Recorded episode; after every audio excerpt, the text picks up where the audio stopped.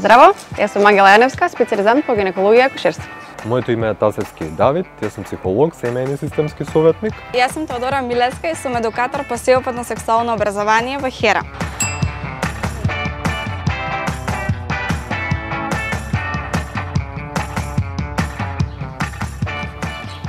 Што е тоа секс?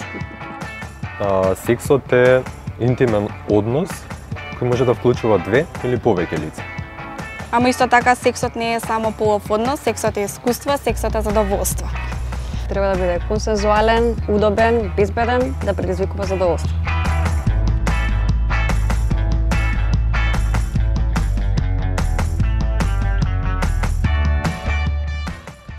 Кондомите се најефикасна контрацепција, ама поефикасно е кога се користат два кондоми одеднаш. Така е невозможно да забремениш или да добиеш каква било инфекција.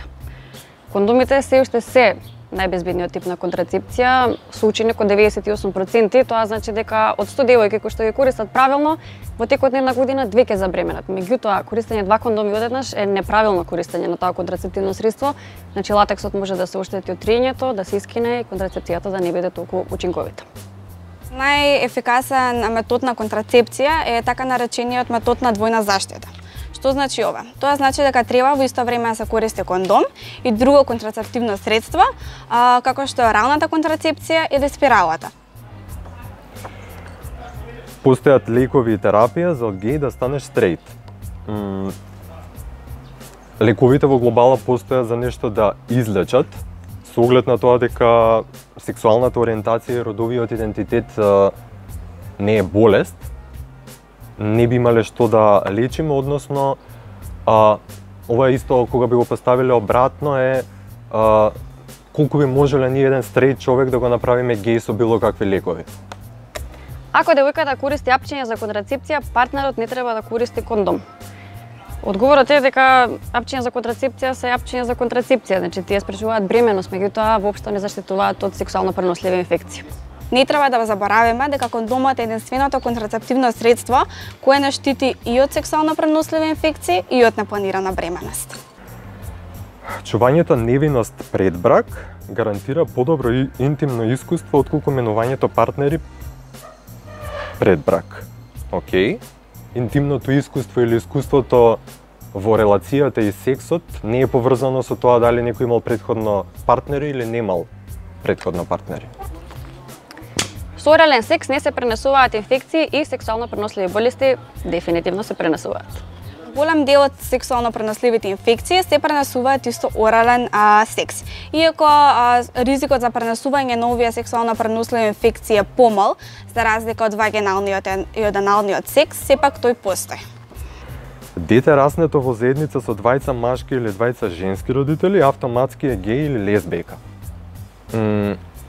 а за ова имаме многу добри податоци и истражувања, заради тоа што и ова е едно од прашањата кое што го слушаме многу често, а тоа е уште крајот на 70-тите имаме направено прво инвитро и од тогаш па наваму а, голем број лесбејки почнале на тој начин да добиваат деца.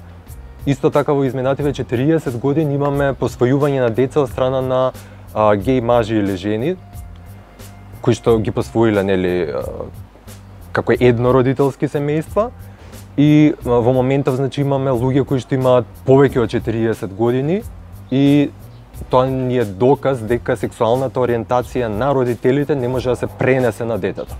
Ако еднаш си фатил ХПВ, значи дека постојано го имаш.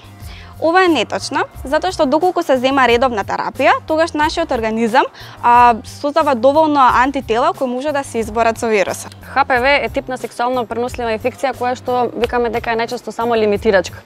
Односно, во текот на една или две години организмот, имуниот систем сам се справува со неја. Меѓутоа, во ретките случаи кога што тоа не се случува, се постават посебни протоколи за следење на ситуацијата, треба да се почитуваат. Моногамните врски се поинтимни, пореални и подолготрајни од полигамните.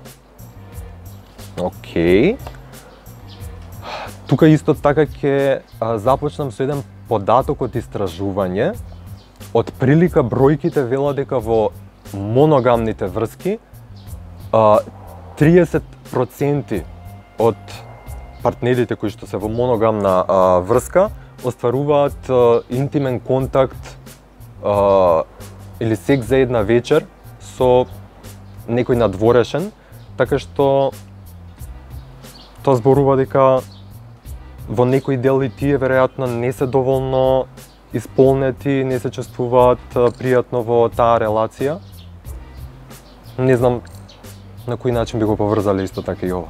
За време на првото сексуално искуство не треба контрацепција затоа што нема шанси да забремениш, дефинитивно има шанси да се забремени при првото сексуално искуство. Шансите за забременување и за оплодување на јајце клетката не зависат од тоа дали ова ни е прв, втор или стоте сексуален однос. Морнинг афтер апчето не сме да се користи по секој сексуален однос како единствено средство за контрацепција. Не сме и не треба, затоа што денеска постојат многу, многу посоветни апчиња за орална контрацепција, кои што се побезбедни, поефективни во контрацепцијата, значи не после секој однос. Morning After или така познатата итна контрацепција представува апче кој има висока доза на хормони. Како таква не се препорачува да се користи повеќе од два пати во годината, па дури и тогаш треба да има период од околу 6 месеци при првото и второто земање.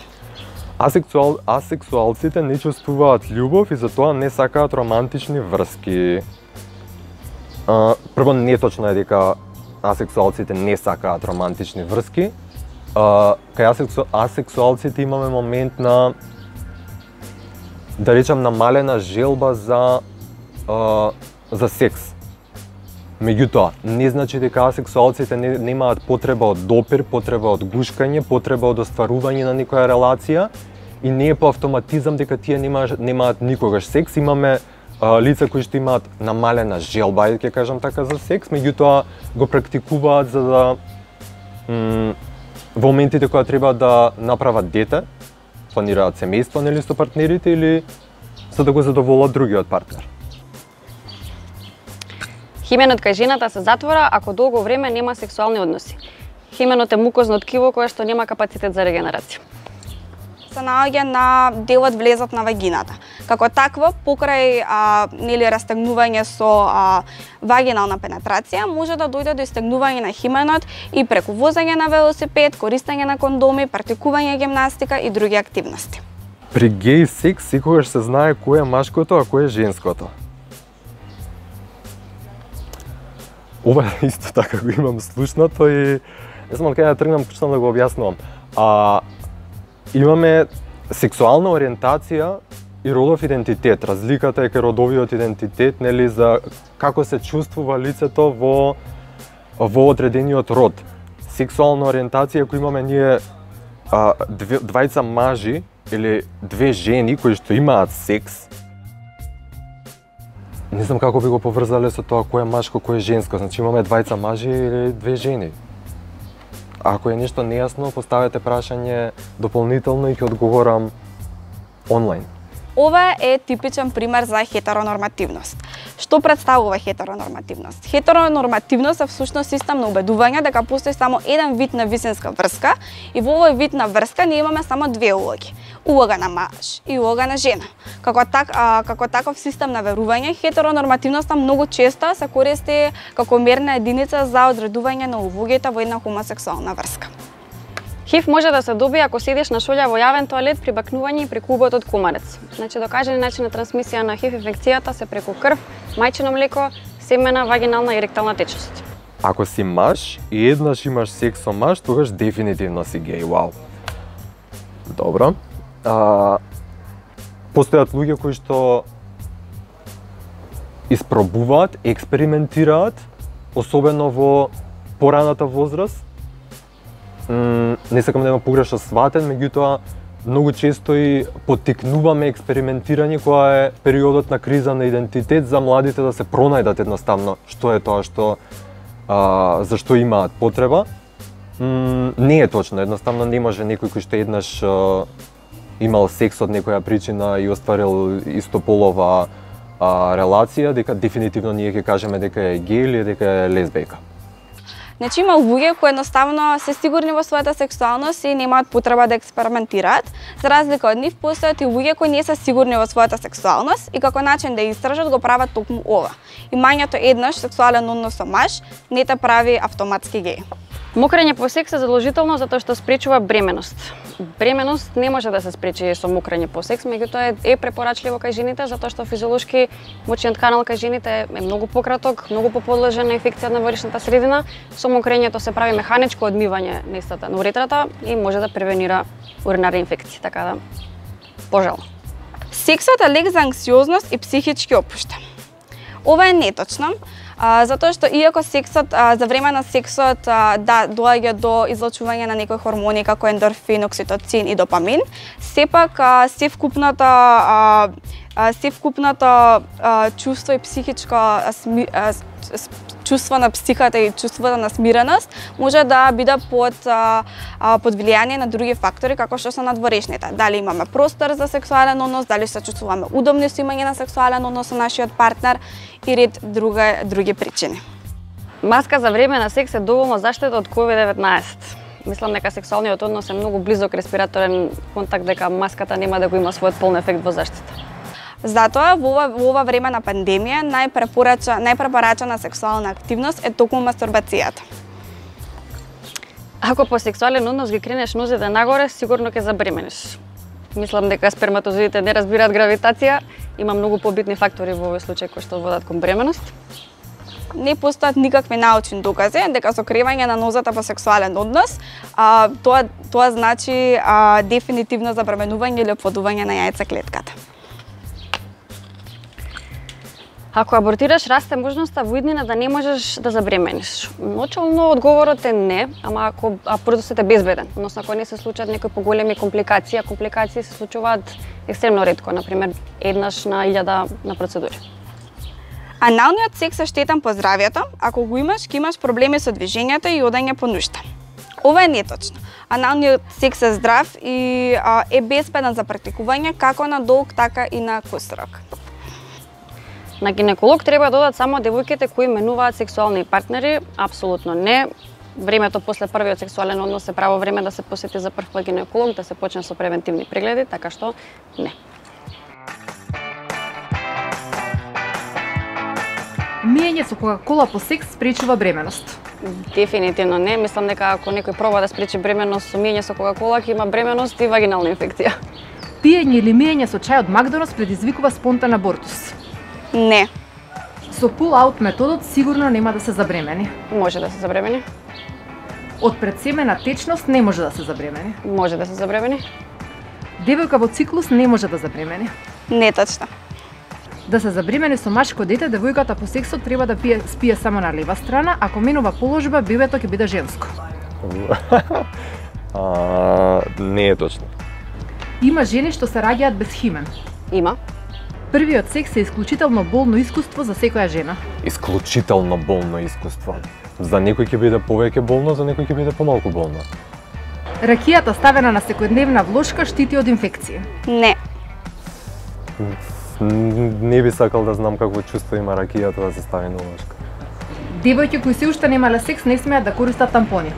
Можат во екстремни ретки ситуации каде што хименот го покрива целиот вагинален отвор која што е конгенитална аномалија, не.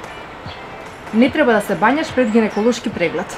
Пред гинеколошки преглед не треба да имаш односи, не треба да ставаш тампони, не треба да пробаш да измиеш вагината, меѓутоа туширање е пожелно. Големината на чевлете е пропорционална со големината на пенисот. Не. Mm, не е точно, мислам дека. Не знам.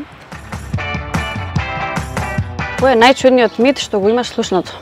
А, чекај да зова да размислам. Вау. А...